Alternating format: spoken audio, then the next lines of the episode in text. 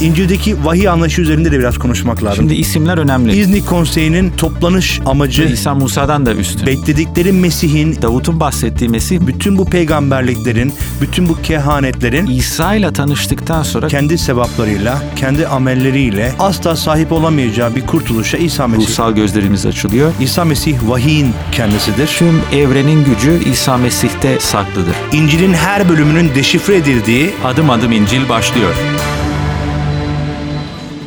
Adım Adım İncil programında Radyo Maranata'dan bizi dinleyen tüm dinleyicilerimize ben Mark Madrigal. ben Emre Karali merhaba diyoruz. Bu program boyunca elimizden geldiğince, dilimiz döndüğünce sizlere kutsal kitabın yeni antlaşma bölümleri, bilinen ismiyle İncil'in her bölümünü ele alacağız. Açıklamaya, sıkça sorulan soruları yanıtlamaya çalışacağız. Soru ve görüşlerinizi sosyal medya hesaplarından et Radyo Maranata yazarak ya da www.radyomaranata.com web sitesinden mail yoluyla bize ulaşabilirsiniz diyoruz ve bugünkü programımıza başlıyoruz. Sevgili dinleyiciler, Radyo Maranata'da bugün 1. Korintiler üzerinde konuşacağız Adım Adım İncil programında. Programımıza başlamadan önce hatırlatmak istiyorum. Sosyal medya hesaplarından et Radyo Maranata yazarak bize ulaşabilirsiniz. Soru ve görüşlerinizi soru et e, radyomaranata.com adresinden bize ulaştırabilirsiniz. Soru ve görüşleriniz bizim için önemlidir. Özellikle e, programımızla ilgili görüşlerinizi sizden bekliyoruz. Diyelim e, bugün 1. Korintiler özel bir mektup. E, her mektupta olduğu gibi yine de temel bazı sorunlar üzerinde konuşulan bir mektup. E, iki, iki mektuptan oluşuyor. Birinci ve ikinci Korintiler. Bugün sadece birinci Korintiler üzerinde konuşacağız. E, yazarı kimdi? Oradan başlayalım. Evet, Paulus bu mektubu e, yazdı 55 yılları gibi. E, Şimdi niye yazdı? Tabii bunu sormamız lazım. Ne amaçla yazdı? Şimdi bu sorular önemli. Yani e, sadece bu mektup için değil ama kutsal kitabın genelinde bir bölümü okuduğumuzda kendimize bu soruyu sormamız lazım. Kim, kime, ne zaman, ne için, niye gibi sorular. Çünkü e, bu sorulara cevap bulursak o zaman metini anlamak da kolaylaşıyor. E, metinin amaçladığı vurguları da yakalayabiliyoruz. O zaman Korint Kilisesi'nden bahsedeceğiz bugün. Korint Kilisesi nasıl kuruldu? Belki bundan ilk önce bahsetmemiz lazım. Elçilerin İşleri 18. bölümü okuduğumuzda görürüz ki Paulus Korint ke- kentini ziyaret ediyor ve orada ilk başta havralarda müjdelemeye başlıyor. Ve orada e, reddediliyor ve reddedilince Helenlere yöneliyor. İlk iman edenler arasında işte Titus Justus, Crispus, Sostenes gibi, e, Chloe'nin ev halkı gibi kişiler e, Gaius göreceğiz. gibi, evet. evet. E, Paulus aslında Korint'te sadece geçmiyor. Bir buçuk yıl burada oturuyor. E, çeşitli suçlamalara maruz kalıyor e, Yahudiler e, tarafından. Hatta Galio önünde yargıya bile çıkartılıyor ama e, suçlamalar düşürülüyor. E, ve daha sonra buradan da e, Efes'e geçiyor. Evet, Paulus'un genel yaşantısı çok sans- sansasyonel zaten. Evet. Şimdi Efes'teyken Paulus bir haber alıyor. Yani e, Korint kilisesinde problemler var. E, hem Chloe'nin ev halkından ona haberler geliyor hem de onu Efes'te ziyaret eden birkaç kardeş var. Ona problemlerini anlatıyorlar. Birazdan belki bunun detaylarına gireceğiz. Yani Korint kilisesi belki bu okuduğumuz mektuplar arasında en fazla problem yaşayan kilise diyebiliriz. E, Bayağı da olaylı bir kilise aslında. çok olaylı bir kilise ve neden bu olaylar yaşanıyor? Biraz da bence kanaatimce Korint'in e, şehir olarak sosyal ve coğrafi konumu e, ve kültürel e, etkisinden de kaynaklanıyor. Çünkü hatırlayın ki bir kilise kurulunca e, ilk üyeleri yeni imanlılar oluyor ve e, yeni iman hayatımıza yani en azından kendi hayatımızı düşünecek olursak ilk e, başlarda bazı geçmiş e, huylardan kopmak zor oluyor. E, ve o zaman ilk imanlılar da bu, tecrübeleri yaşıyorlardı Korint Kilisesi'nde. O zaman Korint nasıl bir kentti, nasıl bir şehirdi? Bir liman kentiydi. Demek ki denizcilerin sıkça geçtiği mekanlardan bir tanesi. Hatta şöyle bir şey var. Yani e, zorunlu bir şekilde oradan geçiliyordu. Çünkü Yunanistan'ın güneyinden gemiyle gitmek çok tehlikeliydi. Çok fazla fırtınalar olabiliyordu. Onun için Korint bugün Korint kanalı dediğimiz bölgeye yanaşıyorlardı. Orada kargoları indiriyorlardı ve yaklaşık olarak bir 8 kilometre bir yol açıyorlardı ve bu sefer e, bugünkü kanalın diğer tarafından yolculuklarına devam ediyorlardı. Bu ne demek oluyor? Denizciler zorunlu olarak bir gece veya iki gece e, orada geçirmeleri lazım. Ve kentte. bu da e, Korint'te büyük bir sonuç doğuruyordu. Bir anlamda hani tam bir günah şehri e, diyebiliriz Korint Yani için. tabii çünkü şöyle yani kendinizi denizcilerin yerine koyun. Yani aylarca e, yolculuk yapıyorsunuz e, ve ondan sonra sonunda karaya basıyorsunuz. Sadece bir gününüz iki gününüz var. E, paranızı harcıyorsunuz. Neye harcıyorlardı denizciler? İşte kadın olsun, içki olsun falan falan. Yani bu tarz şeylere e, harcıyorlardı. Tabii Korint kentinin başka bir özelliği var. O da e, antik Roma'da e, insanlar köleyken özgürlüklerini parayla satın alabiliyorlardı. Ve özellikle bu özgürlüklerini satın alan köleler çeşitli kentlere yerleşiyorlardı ve bu yerleştikleri kentlerden bir tanesi de Korint'ti. E, bu bize neyi gösteriyor? Yani orada özgürlüğü tatmak isteyen e, insanlarla dolu bir kentti ve belki e, eğitim açısından biraz sorunlu e, insanlar diyebileceğimiz barındığı bir e, kentti. Mektupta zaten böyle başlıyor. Bir şekilde e, kendi yaptıkları hataları e, çeşitli öğretilere dayandırmak isteyen e, ve e, bir taraftan Pavlusçu e, bir taraftan e, Apollosçu gibi e, işte ben onun öğrencisiyim, ben onun öğrencisiyim e, gibi çeşitli bir düşüncelerle bir anlamda kendi suçluluklarını bastırmaya yönelik bir hareket görüyoruz ve Paulus mektuba bu sorunu çözmeyle başlıyor. Tabii yani neden bunları anlatıyoruz? Çünkü bir mektubu anlamak istiyorsak bağlamı anlamak önemli. Özellikle işte nerede, kimlere, ne zaman yazıldı gibi. E şimdi Korint kentindeki bir başka özellik, diğer e, Yunan kentlerinden ayıran özelliklerden bir tanesi. Korint'te bulunan tapınakların büyük bir bölümü kadın tanrıçalara adanmış. Yani mesela Korint'te Afrodit tapınağı var, Venüs tapınağı var, Isis tapınağı var, Demeter tapınağı var. Apollon ve Poseidon tapınağı var. Şimdi Apollon ve Poseidon kadın değil. Onu biliyoruz ama Apollon'un hizmetçileri kadındır. E, çünkü neden? Çünkü mitolojiye göre Apollon'a e, bu e, nimf e, dediğimiz, e, periler dediğimiz, müz dediğimiz e, kadınlar hizmet ediyordu. E, dolayısıyla bir şey görüyoruz. Korint'te kadınların ağırlıklı hizmet ettiği pagan tapınaklar vardı ve daha sonra bunun nasıl kiliseye etkileyeceğini göreceğiz. Çünkü belki kilisedeki bir kısım kadın işte kendilerinin sözünü geçirmeye çalışıyor e, kilisenin önünde ve belki bundan dolayı da Paulus bir iki şey diyecek özellikle başörtüsüyle ilgili veya başka konularla ilgili detaylarına zaten o zaman ineceğiz e, bölümlere baktığımızda. Ve bu e, aslında di, dini e, hizmetlerin kadınlar tarafından yoğun olarak görülmesi kilise içerisinde çeşitli sorunlara da sebep oluyor e, söylediğin gibi. Evet problem sorunlar çünkü şöyle şimdi e, kilisede bulunan e, birçoğu kişi putperest bir geçmişten geçiyor, geliyor ve ilk defa böyle bir kiliseye giriyorlar. E nasıl davranılacak? E, nasıl tepki verilecek? Nasıl dua edilecek? Bütün bunları yeniden öğrenmeleri lazım.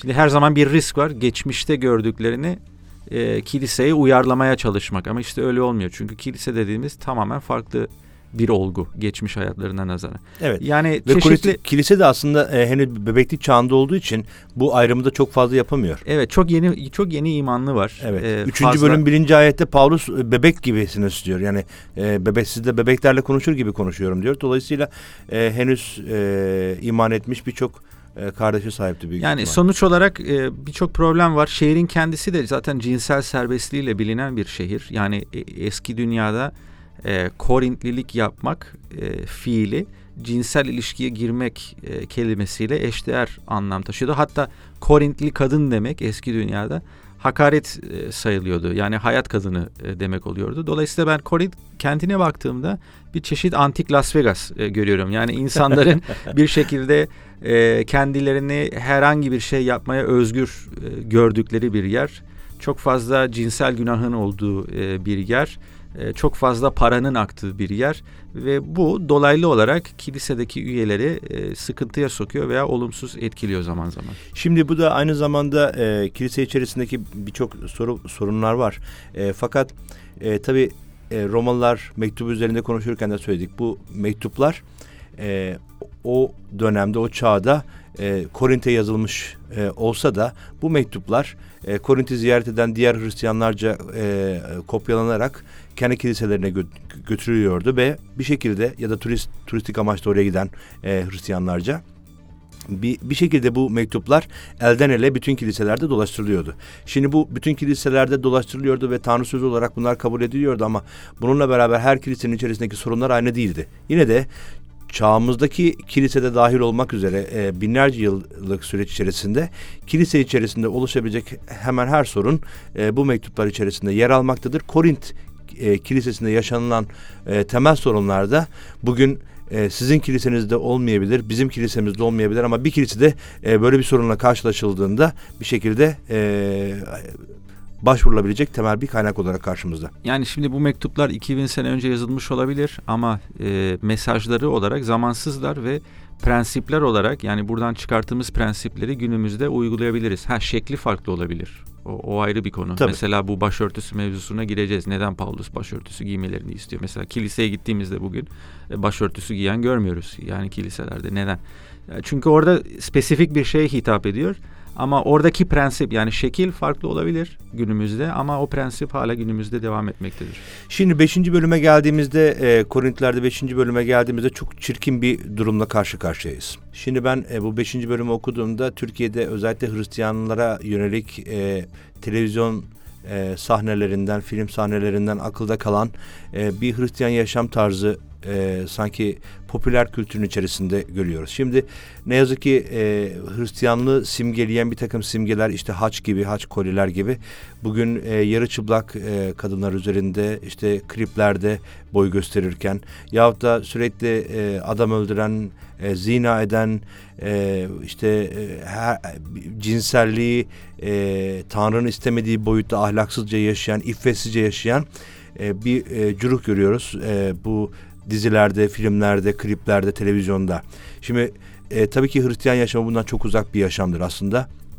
Mesih'in asla kabul etmediği, Mesih'in öğretisinin hiçbir yerinde olmayan e, konulardır. Cinsellik evlilikle beraber Tanrı tarafından bize verilmiş özel bir e, konudur. Ama bu sadece ve ancak evlilikle olabilecek bir mevzudur. Şimdi birinci Korintlerde de yaşanan en ciddi sorunlardan bir tanesi oydu ki o kadar büyük bir ahlaksızlık vardı kilisenin içerisinde. Beşinci bölümde e, bir kişi babasının e, karısıyla e, bir beraberlik yaşadı. Yani e, ve Paulus buna çok ciddi ve sert bir çok sert bir tepki, tepki veriyor. veriyor. Yani orada şey değil yani aman olur böyle şeyler demiyor. Yok.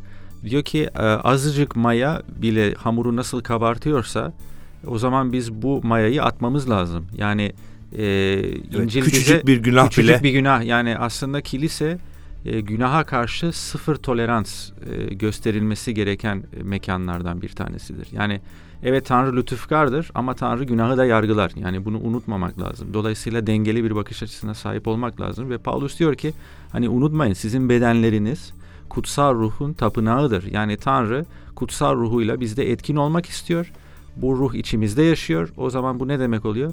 Nasıl yaşadığımıza dikkat etmeliyiz. Sadece cinsel tercihlerimiz açısından değil, yani ne yediğimiz, ne içtiğimiz vesaire her detayına kadar çok dikkatli olmalıyız bizim bedenlerimizle ilgili. Yani bu sadece bizim yapmamızla da ilgisi yok. Yine de 5. bölümde Paulus böyle kişilerle arkadaşlık bile etmememiz Aynen konusunda e, uyarıyor. Tanrı sözü bizi uyarıyor. E, dolayısıyla hani Türkiye'de bir söz vardı. Bana arkadaşını söyle sana kim olduğunu söyleyeyim. E, e, ya da üzüm üzüme baka baka kararı gibi.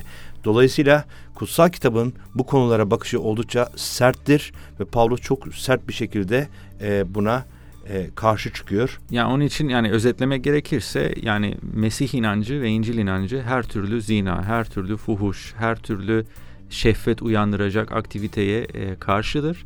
Evet cinsellik Tanrı tarafından verilen bir armağandır ama evlilik anlaşması içerisinde kullanılması gereken bir armağandır. Ve yine de burada aslında kilise içerisindeki bir disiplin mekanizmasını da görüyoruz. Ee, bunun akabinde Paulus'un e, sert e, yanıtı işte kötü adamı aranızdan kovun diyor. Yani evet. bir şekilde bir disiplin mekanizması da vardır. Dolayısıyla e, dinleyicilerimiz arasında belki Hristiyan inancı hakkında e, sadece kulaktan dolma bilgilere sahip olan kişiler olabilir. E, bir kez daha net bir şekilde ifade etmeliyiz ki bu filmlerde, dizilerde, televizyonlarda, kliplerde gördüğünüz e, kendisini Hristiyan tanımlayan insanların aslında gerçek Hristiyanlıkta pek bir ilgisi yoktur. E, tam tersi kutsal kitap, kutsal yazılar bütün bunları net bir şekilde yasaklamaktadır ve sert bir şekilde buna tavır göstermektedir. Aynen öyle ve aslında 7. ve 8. bölümde Pavlus'un gerek bekaretle gerek evlilikle ilişkin e, farklı e, tavsiyeleri ve yorumları var. Pavlus'un kendisi evli değil. E, ve aslında Paulus evlilik konusuna çok pratik bir şekilde bakıyor. Yani neden evli değil? E, çünkü e, çoluk çocuk sahibi olsaydı yolculuklarını da yapamazdı. Yani elleri ayakları bağlı olurdu. Onun için onun için bekar olmak onun tanrı hizmeti açısından daha verimli. Ama bu demek değildir adanmış ki bir hayatı adanmış vardı. bir hayat. Ama bu demek değildir ki bekaret evlilikten daha iyi. Yani ikisi de birbirinden üstün değil. İkisi de Tanrı tarafından verilen bir armağan. E, kimimiz bir evlilik için çağrılmış olabiliriz. Kimimiz Tanrı'ya bir bekaret hayatıyla hizmet et, etmek için çağrılmış olabiliriz. Önemli olan bu çağrıyı keşfetmemiz ve e, başkalarına baskı yapmamamız. Yani bazen e, iyi e, kalpli, bonkör, imanlı kardeşler görüyorum ama yanlış bir şey yapıyorlar. Mesela gençler üzerinde çok fazla baskı kuruyorlar. İşte ne zaman evleneceksin, ne zaman çocuk sahibi olacaksın bu da yanlış. Yani belki kültürümüzden kaynaklanan bir şey. Çünkü beklentiler arasında işte evlenmek var, çocuk sahibi olmak var ama yani Tor- biraz torun, torun sevmek torun var. sevmek var vesaire ama bir dakika yani Rab bu kişiyi evlilik için çağırıyor mu? Çağırmıyor mu? Belki çağırmıyordur. Belki Paulus gibi e, hizmet etmeye çağırıyordur ve e, evlilik buna engel olacaktır. Tabii bunun tam, ter- tam tersi de yanlış bir düşünce. Yani eğer Tanrı'ya hizmet ediyorsam o zaman evlenmeyeceğim düşüncesi de tarihte e, kilise tarihi içerisinde ne yazık ki olan bir durumdur.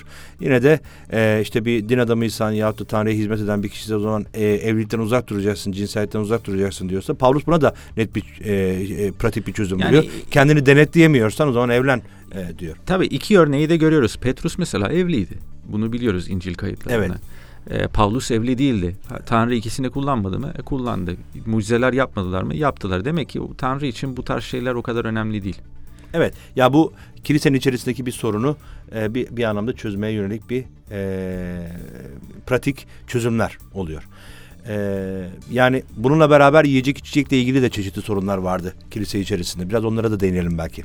Evet yani özellikle 8 ve 10 bölümleri arası e, putlara sunulan etlerden bahsedildiğini görüyoruz. Yani bununla ilişkin e, konuşmalar. Çünkü şimdi eski dünyada bir adet vardır.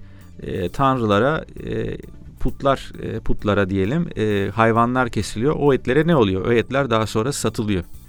E, satıldıkları için o zaman şöyle bir durum söz konusu. Ben bu etten e, alırsam ve bu etten yersem yani o tanrıya inanmış mı oluyorum? Onu meşru saymış mı oluyorum? Bu günah mıdır acaba? Bu günah mıdır, değil midir e, gibi, haram mıdır gibi böyle bir problem var. Bunun detaylarına zaten aradan sonra gireceğiz. Evet burada bırakalım biraz e, soru işaretleriyle ikinci bölümde kaldığımız yerden devam edeceğiz. Bakalım bu kurbana sunulan etlerin yenmesi caiz midir değil midir diyelim. Kısa bir ara efendim tekrar sizlerle beraberiz.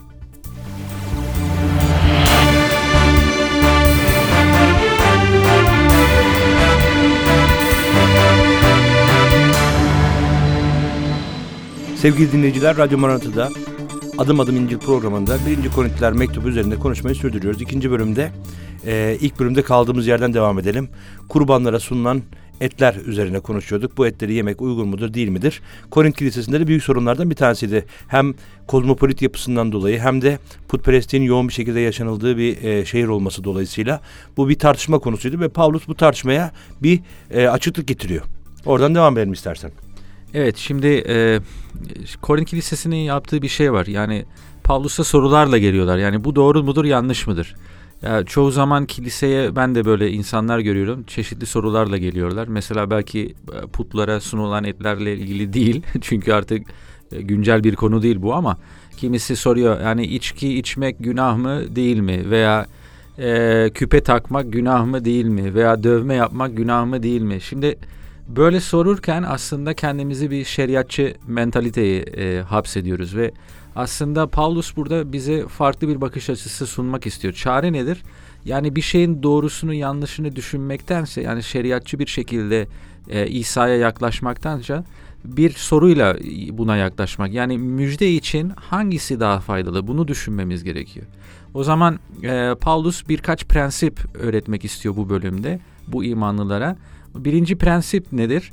Ee, evet yani bu putlara sunulan kurban e, bizi kirletmiyor bu yediklerimiz. Çünkü İncil'de de hiçbir yemeğin bizi kirletmediği öğretiliyor. Ama vicdani olarak daha zayıf olan bir kardeşe bu tökez olacaksa bu etlerden yemek o zaman yememek daha iyidir. Çünkü her zaman düşüncemiz başkalarının imanı da olması lazım. E, sadece kendi e, rahatımız değil. E, bir ikinci prensip Paulus'un öğretmek istediği bu bölümde hakkımızı e, kullanmanın her zaman iyi olmadığıdır. Yani kardeşlerin büyümesine tö- tökez olacaksa bu hakkı, bu etleri yeme hakkı kullanmamak daha iyi. Ee, örneğin Paulus kendi hayatından örnek veriyor. Yani diyor ki bir elçi olarak benim bir maaş alma hakkım var kiliselerden ama ben bu maaş alma hakkımı kullanmadım. Ee, niye? Yanlış mı? Yok. Ama e, işte insanlar eleştiri getirmesin diye, müjdeye tökez olmasın diye, haber daha iş bir şekilde yayılsın diye. E, dolayısıyla yani burada müjdesel düşünmek lazım. E, yani eğer karşı taraf bu eti yemekle onun tanrılarının tanıdığımı yorumunu çıkartıyorsa belki yememek e, daha iyi olur şeklinde düşünmemiz lazım. Kasap etinde sorun yapmayın diyor e, Pavlus. Yani e, gerek bu e, putlara sunulan etlerin etlerde gerekse bu içki konularında veya dövme konularında bunları ben bir genel olarak yapıyorum. Yani olayı doğru ve yanlıştan ziyade çünkü bu konularla ilişkin kutsal kitap hani bu günahtır veya bunu kesinlikle yapmayın şeklinde bir e, tabir kullanmıyor ama yani hangisi e, İsa'nın mesajında yayılmasında faydalı olabilir? Biraz bu şekilde düşünmemiz lazım. Bu önemli bir konu çünkü e, kutsal yazılar içerisinde yer almasa da toplumda e, böyle kalıplaşmış bazı konular var. Mesela içki haramdır e, gibi. İçki haramdır ama e, örneğin bir uyuşturucu hakkında kutsal metinlerde herhangi bir yazı yok. Yahut da e, işte e, içki haramdır ama sigara üzerinde de herhangi bir e, yazı e, görmüyoruz. Şimdi Paulus bunu şöyle özetliyor. E, 1. Korintiler 10. bölüm 23. ayette diyor ki her şey serbest diyorsunuz ki aslında lütuf çağında yaşıyoruz bir kimse İsa Mesih'i Rab ve kurtarıcı olarak hayatına kabul ettiyse artık şeriatın o bağlayıcı unsurları içerisinde değildir. Çünkü Tanrı'nın lütfuyla kurtulmuştur. Doğrudur. Ve şöyle devam ediyor ama her şey yararlı değildir diyor Paulus. Ve yine diyor ki her şey serbest diyorsunuz ama her şey yapıcı değildir. Evet. Dolayısıyla buradaki o temel prensibi doğru anlamak gerekiyor. Ee, bir şeyin serbest olup olmaması e, onun e, yararlı veya yapıcı olup olmamasıyla da ilgili olması gerekiyor bir Hristiyan için. Bir Hristiyanın bakış, bakış açısı için. Dolayısıyla ee, eğer bir kardeşe tökez oluşturuyorsa bu durum bunu yapmamayı tercih etmek e, bir canın Rab'de kalmasına e, aracılık etmekse e, bunu tercih etmek gerekiyor. Önceliğimiz e, budur. Zaten İsa'nın öğretisindeki en temel prensiplerden bir tanesi de e, yani komşunu kendin gibi seveceksinden e, yasadan aldı ve e, sizin birbirinize olan sevginizde herkes benim öğrencilerim olduğunuzu e, anlayacak öğretisi. Hep bu sevgi ilişkisi içerisinde karşısındakini kendisinden daha üstün görme prensibini içeriyor. Ve, ve yani buna ek olarak yani dediğin tabii ki doğru ama buna ek olarak biraz düşünce yapımızı değiştirmeliyiz. Yani bu doğru mudur yanlış mıdır düşünce yapısı aslında ne demeye geliyor? Yani ben aslında şöyle yapmak istiyorum ama e, bunu meşru e, kıldıracak bir bahane arıyorum. Yani o zaman e, asıl e, odak nedir? Senin isteklerin. Değil mi? Ama müjde bizi kendi kendiliğimizden, kendi kendimize olan köleliğimizden kurtarmak istiyor. O zaman odak noktası ben ne istiyorum değil. Acaba e, Mesih'in inancı için, Mesih'in mesajı için hangisi daha faydalı? O zaman e, tamam belki kutsal kitap doğrudan demiyor hani e, içki içmeyin veya içkinin bir günah olduğunu. Ama eğer ki benim yaşadığım ortamda benim içmem e, negatif bir şekilde yorumlanacaksa ve bundan kilise ve Mesih inancı zarar görecekse o zaman içmemek daha iyi. Tabii tabii sarhoş olmayın diyor. Tabii. O, onu da belirtelim. Evet. E, oradaki temel prensip de yine de 11. bölümdeki başörtüsü üzerinde de konuşacağız ama 11. bölümde Pavlus'un yönlendirdiği e, asıl temel örnek Mesih'in kendisi. Diyor ki Mesih'i örnek aldığım gibi siz de beni örnek alın diyor. Dolayısıyla e, özellikle bu Pavlus'un kendi dinini oluşturma e, üzerindeki çeşitli savları da çürüten bir başka ayettir bu. E, Mesih'i örnek almaya insanları davet ediyor ve bu önemli. Şimdi biraz ilerleyelim artık yavaş yavaş sonlara doğru geliyoruz ama bu başörtüsü konusu da önemli bir konu. Başörtüsü takılmalı mıdır takılmamalı mıdır? Kadının başörtüsü takması e, başörtü takmadan kilisede konuşması dua etmesi uygun mudur değil midir gibi e, birçok tartışmalar da var. Paulus e, Korint kilisesi içerisindeki bu tartışmaya da bir şekilde son veriyor. Evet. Şimdi aslında bu başörtüsü mevzusu 11. bölümde yer alıyor. 11 ve 14 bölümleri arası e, ibadetteki çeşitli düzensizliklere ilişkin. Yani başörtüsü bunların bir kısmı. E, bir başka kısmı mesela Rabbin sofrasından gelinmeden önce e, kimisi kiliseye işte sarhoş geliyordu mesela. O zaman bu kötü bir örnek oluyordu başkalarına. Veya ya da aç geliyordu sadece yemek yemek için geliyordu. Kiliseye sadece yemek yemek için geliyordu kimileri. Ee, kimileri başkalarını küçük görüyordu. Kimilerinde de problem neydi? İbadet, ibadette bir düzensizlik vardı. O zaman diyelim ki birisi konuşuyordu. Ondan sonra biri araya geliyordu. Başka şey söylüyordu. Dolayısıyla e, kilisede çok büyük düzensizlik problemleri var. Ve bunun çaresi nedir? Bütün bu kısmın ortasında 13. bölüm yer alıyor ki bu bölüm sevgiyle ilişkin.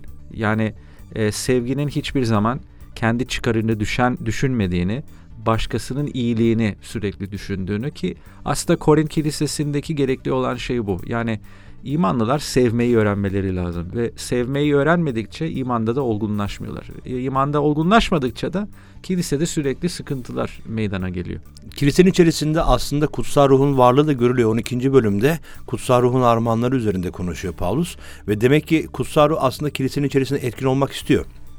Ama e, insanlar bazen bu armağanlara, kutsal ruhun verdiği yeteneklere e, o kadar bencilce yaklaşıyorlar ki asıl önemli noktayı, kilise içerisindeki önemli noktayı unutuyorlar. O yüzden e, e, bu 11. ve 12. bölümdeki temel sorunların arkasından Pavlus'un bütün bu sorunların çözüm noktası olarak sevgiyi sunması e, bence e, çok önemli e, çok e, dikkate alınması gereken bir nokta diye düşünüyorum. Evet yani şimdi kadınların e, başörtüsüne gelecek olursak tabii şimdi o dönemde şöyle bir durum var e, genellikle pagan tapınaklarında e, tanrılara hizmet eden kadınlar başı açık bir şekilde hizmet ediyorlar. E, dolayısıyla siz düşünün ki e, dışarıdan geliyorsunuz ve başı açık kadın görüyorsunuz. O zaman yorum nedir? Ha bunlar bizim gibidir şeklinde. O zaman başının örtmesi teolojik bir anlam da taşıyor. Yani e, biz pagan kadınlar gibi değiliz. Biz e, tek tanrıya boyun eğen kadınlarız ama giyim kuşamla bunu göstermek oluyor. Yani özellikle o dönemin kültürünü ve hassasiyetini e, ele alırsak. O zaman burada bir prensip var. Yani bizim e, giyindiğimiz e, e, giysiler de bir mesaj veriyor. O zaman nasıl giyindiğimizle de dikkatli olmamız lazım kiliseye geldiğimizde. Yani karışık mesajlar vermemek lazım. Mesela bazen oluyor ki e, kimisi şortla veya mini etekle geliyor. E, ben uyarıda bulunuyorum. Yani lütfen böyle gelme çünkü yanlış anlaşılabilir başkaları tarafından. Bu içinde bulunduğumuz toplumla da biraz ilgili. E, top, yani e, Hristiyanlık bir toplumun e, genel karakteristik yapısını değiştirmeye yönelik değil, tam tersi ya da kültürel e, alışkanlıklarını değiştirmeye yönelik değil, o kültürün içerisine empoze edilen e, bir inanç sistemi olarak karşımıza çıkıyor. Çünkü bir yaşam biçimi Mesih'le beraber yaşamak. Dolayısıyla e, her kültür kendi içerisi içerisinde bu e, Hristiyanlık inancını yoğuruyor. Ve benzer bir şekilde kadınların başı açık kiliseye gelmesi o zaman o dönemde karışık mesajlar gönderiyordu. Ha sanki onlar da bizim gibi pagandır, putperesttir. Ama baş örtülmesiyle yok. Yani öyle olmadıkları. Bir ayrım oluşturuyor. Bir evet. ayrım oluşturmaktadırlar yani dünyada. Evet ya bu çok önemli çünkü e, her zaman yani insan olarak yapı itibariyle kendimizi bir takım dini ritüeller içerisinde sabitlemeye ve bu dini ritüelleri yerine getirerek bir şekilde kendimizi tatmin etmeye çalışıyoruz. Ama unutulmaması gereken en temel nokta şudur ki Hristiyan inancı e, insanların yapıp ettikleriyle ilgili e, bir e, tabu çerçevesinde değil, tam tersinde Tanrı'nın lütfu, Tanrı'nın sevgisi ve Tanrı ile kişisel bir ilişkiye dayanan bir e, inanç sistemi. Dolayısıyla biraz bunun etkilerini de ortadan kaldırıyor. Ve sevgiyle ilgili e, belki de dünyanın en iyi tanımı e, Korintiler 13. bölümde, 1. Korintiler 13. bölümde geçiyor. Hızlıca okumak istiyorum. Belki ilk kez e, dinleyenler vardır. E, sevgi nedir diye sorarsanız hızlıca e, buradan bakabiliriz. E, 1. Korintiler 13. bölümde geçiyor. Diyor ki ayet, insanların ve meleklerin diliyle konuşsam ama sevgim olmasa ses çıkaran bakırdan ya da zilden farkım kalmaz. Peygamberlikte bulunabilsem, bütün sırları bilsem, her bilgiye sahip olsam, dağları yerinden oynatacak kadar büyük imanım olsa ama sevgim olmasa bir hiçim. Varımı yoğumu sadaka olarak dağıtsam, bedenimi yakılmak üzere teslim etsem ama sevgim olmasa bunun bana hiçbir yararı olmaz. Sevgi sabırlıdır. Sevgi şefkatlidir. Sevgi kıskanmaz, övünmez, böbürlenmez. Sevgi kaba davranmaz, kendi çıkarını aramaz, kolay kolay öfkelenmez, kötülüğün hesabını tutmaz. Sevgi haksızlığa sevinmez, gerçek olana sevinir. Sevgi her şeye katlanır, her şeye inanır, her şeyi umut eder, her şeye dayanır. Sevgi asla son bulmaz diyor. Evet ve bu bence çok önemli bir durum. Çünkü, yani konu. Çünkü e, zaten mektubun yazılış amacı bu. Yani e, Korint'teki sıkıntı ne? Herkes birbirine şikayet ediyor veya herkes birbirine diyor ki yok sen yanlış yapıyorsun. Şey, herkes bir hesap tutuyor. Diğerlerinin yaptığı Hem yanlışları. kendi içlerinde yapıyorlar bunu bir de dışarıya da e, tabii yansıtıyorlar. O da var. E, evet, e, Pavlus'un yani, eleştirdiği noktalardan biri. Bu konularda yani biraz hassas olmamız lazım. Çünkü günümüzde de bazen benzer şeyler yaşıyoruz kiliselerde. Kimi kilise diyor ki yok bu imanlılar kötüdür çünkü kilisede kadınları konuşturuyorlar. Veya kimisi diyor ki yok bu imanlılar kötüdür çünkü atıyorum diller armağanını kullanıyorlar veya başka armağanı kullanıyorlar. Ya da Ve, şöyle tapınıyorlar. Veya şöyle tapınıyorlar. Böyle dua ediyorlar. Veya böyle dua ediyorlar. O zaman birbirimizi hor görüyoruz ve bunu yapmamamız lazım. Zaten mektubun yazılış amacı da bu. Mesih'in sevgisini bize yöneltmek. Ama maalesef ironik durum ne? Ee, bu mektubu bahane ederek özellikle e, kadının kilise içindeki rolü ve diller armağanı konularında çeşitli kilise bölünmeleri oluştu. yani evet. Pavlus'un yapmaya çalıştığı şey bu mektupta bölünmeleri önlemek ama birçok kişi bu ayetlerdeki e, bazı e, cümlelerden yola çıkarak çeşitli e, bölünmelere ve mezhepleştirmelere de yol açmışlar. Pavlus'un yapmaya çalıştığını tam tersine, tam tersine ortaya, ortaya çıktı ne yazık ki. Buna çok dikkat etmemiz gerekiyor. Bu sevgi bağını koruma konusunda çok dikkatli olmamız gerekiyor.